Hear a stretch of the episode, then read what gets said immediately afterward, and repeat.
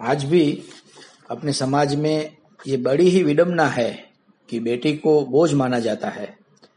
हर संभव ये कोशिश की जाती है कि अपने घर बेटी पैदा ना हो। लोगों की ये मानसिकता बदलनी नितांत ज़रूरी है। जो लोग बेटी को बोझ मानते हैं, उन्हें कहाँ पता है कि बेटी ज़िंदगी की सबसे बड़ी मौज है? मैंने अपने काव्य कोख की कब्र में ये जताने की कोशिश की है कि बाप की ज़िंदगी में बेटी की क्या अहमियत है और कोख को बेटी की कब्र बनाने वाले कितना बड़ा पाप कर रहे हैं। तो मैं भरत ठक्कर प्रस्तुत कर रहा हूँ मेरा काव्य, कोख की कब्र।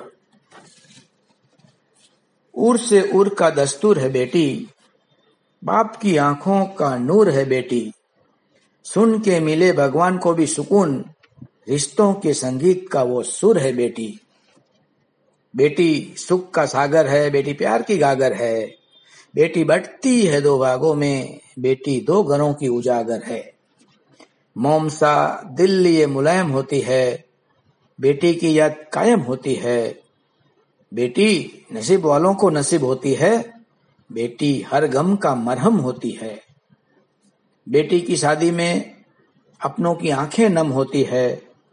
बेटी की शादी शुभ होते हुए भी सितम होती है। बेटी की शादी है अजब कशिश का प्रसंग। बेटी की शादी होते ही बाप की उम्र कम होती है। कुछ लोग बेटा पाने के लिए बेशरम होते हैं। कोख को बेटी की कब्र बनाने तक बेरहम होते हैं। कुदरत की इस सच्चाई को क्यों नहीं समझते ये लोग?